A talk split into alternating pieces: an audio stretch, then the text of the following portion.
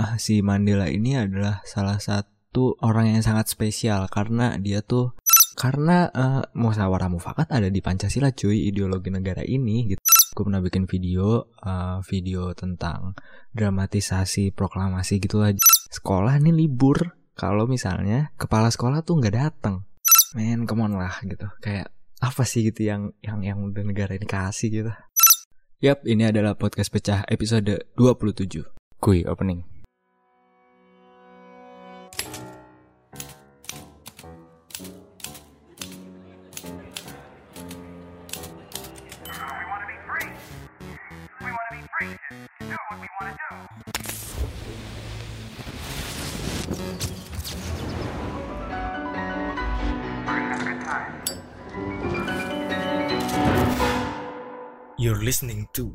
Podcast Pecah.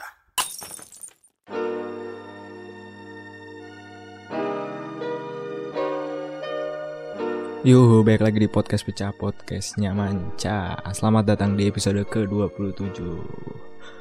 Yoi, uh, anyway gokil banget ya pembukaan Asian Games ya. Gokil, sumpah. The best lah, the best. Ternyata bisa juga loh Indonesia bikin acara sekeren itu. Mantap, mantap. Ya gue emang, gue mengakui gue pernah menyinyir tentang Asian Games. Tapi, but still gue sangat mengapresiasi dengan adanya itu. Gue admit kok. Cik ya. Ya pokoknya gitu lah. Sumpah itu keren banget. Gue salut sih, salut. Sedikit menyesal nggak menonton, tapi ya udahlah ya. Uh, Dirgahayu Republik Indonesia uh, yang ke-73 semoga negara ini makin gokil aja lah gitu aja lah doanya ya uh, tahu lah mungkin kayak episode episode selanjutnya gue bakal cepet-cepet aja gitu maksudnya uh, durasinya. Karena uh, lagi ada kerjaan. Ya pokoknya gitulah ya. Uh, sorry sorry aja. Hmm, tapi kebetulan ada yang email nih ke gue alhamdulillah ada yang email akhirnya setelah minggu lalu dipaksain akhirnya ada yang email. Aduh, nggak paham lagi. Kalau udah dipaksa kayak minggu lalu, tapi masih juga nggak ada email, gue juga nggak tahu sih mesti gimana. Terima kasih nih yang udah email. Uh, kalian juga email ya, cik gitu. Oke lah, uh, emailnya gue nggak tahu sih ini dia mesti disebut nggak namanya, tapi ya sebut aja lah nama depannya. Dari Arel, uh, tanya nih bang, kapan Nelson Mandela meninggal?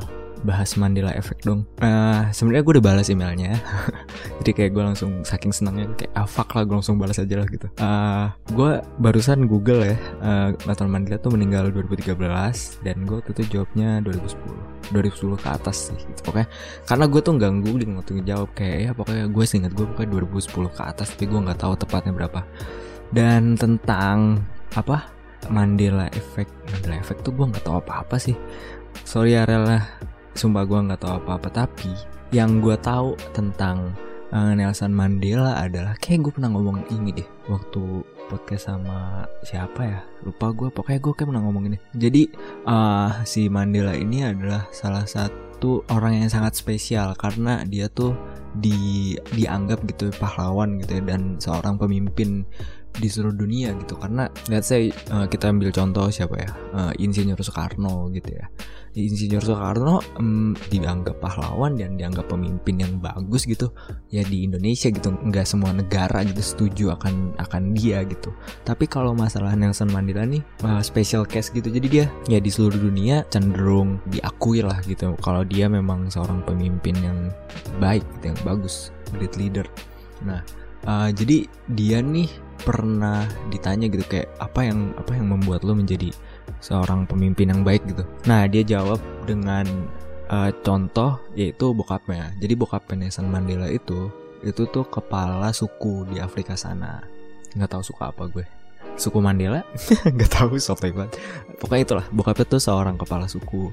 Nah jadi dia belajar tentang kepemimpinan tuh dari bokapnya. Nah, jadi dua hal yang dipelajari dari bokapnya adalah ketika uh, memutuskan sesuatu, mereka tuh selalu uh, berembuk dengan orang-orang yang berkompeten dan membentuk suatu lingkaran gitu. Jadi uh, duduknya tuh selalu melingkar, jadi kayak rapat suku mungkin gitu ya, kayak gitulah.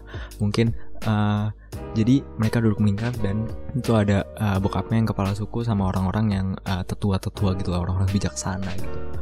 Itu yang pertama. Dari sini uh, ya kita bisa menangkap pelajaran bahwa uh, pentingnya untuk ya menemukan mufakat gitu melalui musyawarah kan sebenarnya apa bedanya gitu maksudnya di Indonesia juga ada namanya kayak gitu musyawarah mufakat dan ya berarti musyawarah mufakat adalah uh, cara terbaik gitu kalau misalnya kita belajar dari si Nelson Mandela ini gitu.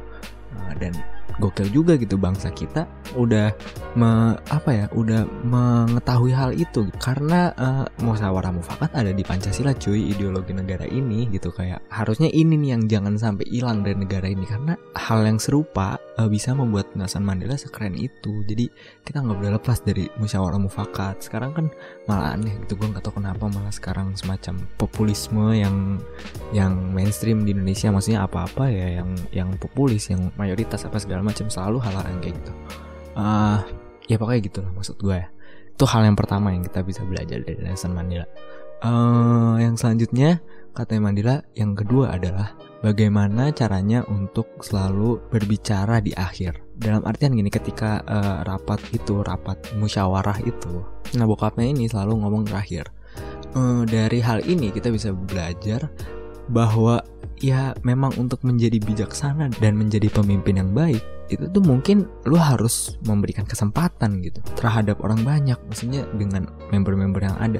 Lu dengerin gitu mungkin ya, ya obviously gitu kayak hal-hal yang mungkin lu pernah denger tapi maksud gue men ini datang dari seorang Mandela gitu yang again yang seorang pemimpin yang universally disetujui gitu sebagai contoh pemimpin yang baik di bumi ini menurut gue sih itu susah banget sih gitu karena ya lagi daerah sekarang itu di mana orang-orang kayak oh opini gue paling bla bla bla bla bla bla bla bla bla bla bla bla gitu sementara kita seakan-akan gak pernah mau denger gitu orang orang opininya apa kenapa dia beropini seperti itu standing pointnya di mana background dia apa maksudnya kayak apa intinya apa alasan-alasan apa kumulasi apa yang membuat dia bisa menyatakan opini-opini itu baru deh kita ngomong gitu.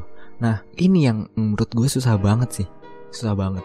Apalagi ya buat gue pribadi mungkin buat kalian atau siapa nggak tahu juga. Tapi again ini adalah hal yang sangat bijaksana menurut gue dan ini high level of leadership mungkin. Gue juga nggak tahu. Ya mungkin buat kalian yang mendengarkan ini dan berniat mencalonkan diri sebagai ketua himpunan kampus atau ketua OSIS atau ketua apa? Ketua BEM fakultas BEM universitas. Kalian bisa menggunakan ini ya. Uh, pokoknya gitu lah ya. Sorry ini Arel gue nggak tahu tentang Mandela Effect. Tapi ya itu yang gue tahu tentang Mandela tuh yang tadi terkait bagaimana menjadi pemimpin yang baik versi Nelson Mandela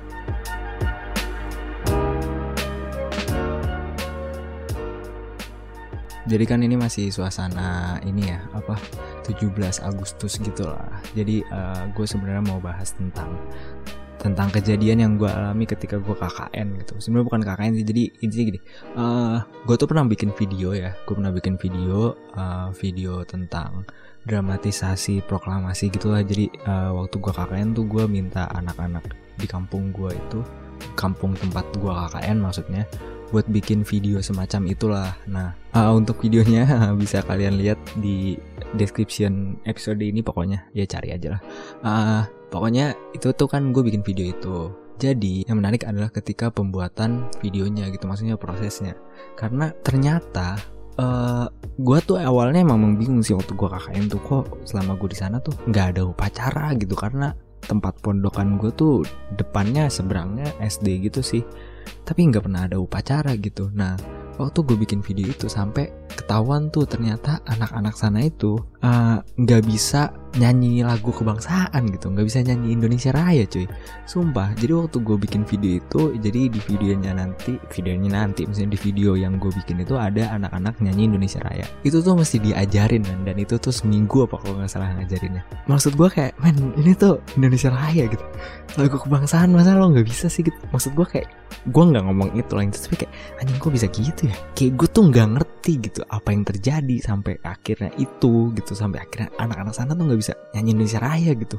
Men sumpah. Itu tuh gue nggak ngerti sih gue mesti ngomong apa tapi yang di, di satu sisi gue kaget di satu sisi gue kasihan gitu tapi di satu sisi jadi pertanyaan gitu kok bisa siswa gitu siswa sekolah SD nggak bisa nyanyi Indonesia Raya gitu. Gue kan yang SMP dan SMA nya pun sama gitu. Gue nggak mengeneralisir maksudnya gue nggak tahu sih di bagian Papua yang lain kayak gimana. Itu tuh gue adanya di kampung Amyas itu tuh di adanya di uh, distrik Supiori Barat Kabupaten Supiori Provinsi Papua gitu. Jadi di situ doang lah. Pokoknya di kampung gue dong dah tuh. Gue nggak tahu kalau di, di daerah lain gue nggak tahu ya.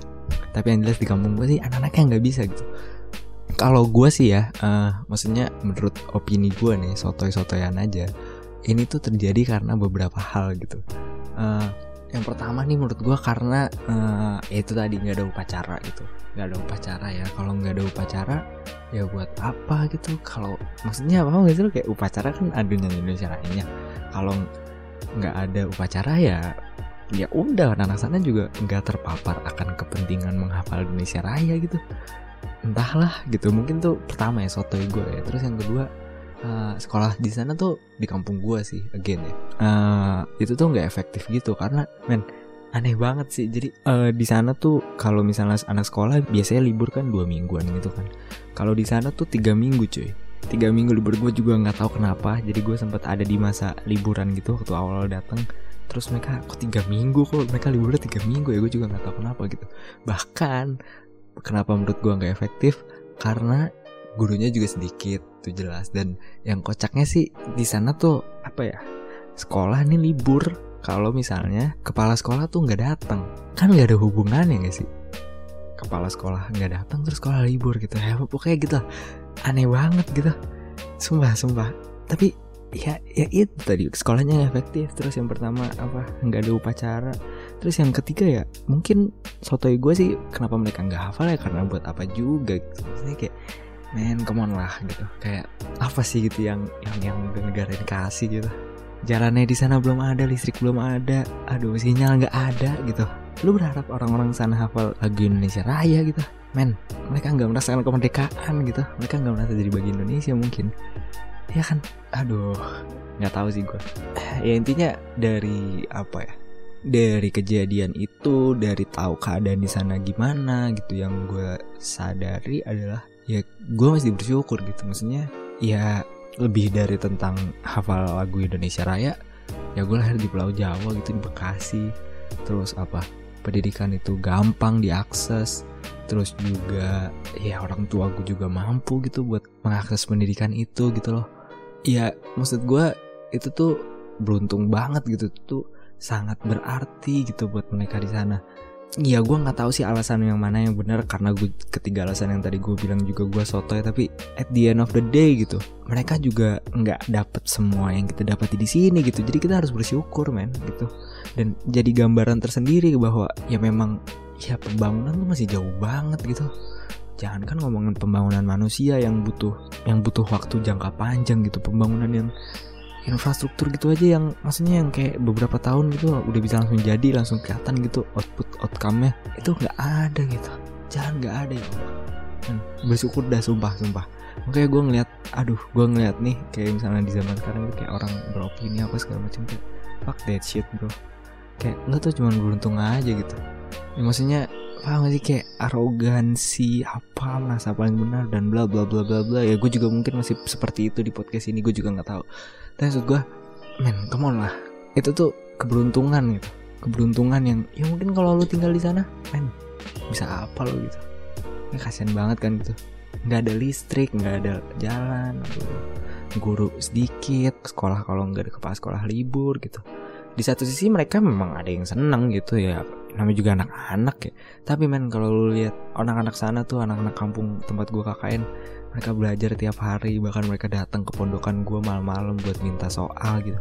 Minta soal cuy kapan lu terakhir minta soal gitu? Dikasih tugasnya kita mager gitu kan ya jujur dan eh gue juga gitu tapi Iya, maksud gue kayak, men, gue SD juga udah mager kali ya dikasih soal, dikasih PR anak sana, minta soal cuy. Kali kalian tambah-tambahan segala macam, bla bla bla bla bla kan sana aduh main gokil lah. Maksud gue karena kita nggak tahu gitu siapa yang akan menyelamatkan bangsa ini gitu.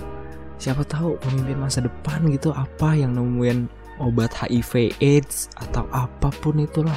Itu yang bisa bikin mobil hemat energi pakai air atau apa gitu. Mungkin orang-orang dari sana gitu. Kita nggak pernah tahu kan. Dan yang mereka butuhkan tuh itu gitu. Tapi itu aja nggak ada men. Come on lah. Aduh 73 tahun cuy udahlah gue nggak tahu lah ngomong apa pokoknya kayak gitu aja. Uh, sorry ini gak jelas tapi ya semoga ada sesuatu yang bisa lo ambil. Again kalau mau email email aja di podcastpejah at gmail.com p e t j a h. Dan buat yang mau tanya-tanya juga bisa lewat situ kritik saran apa segala macam bla bla bla juga lewat situ. Again uh, ini sangat subjektif dan mungkin apa gue nggak tahu lah pokoknya gitulah ya sorry banget lah. Uh, sampai ketemu minggu depan Terakhir, seru nggak seru, pecahin aja. Deh.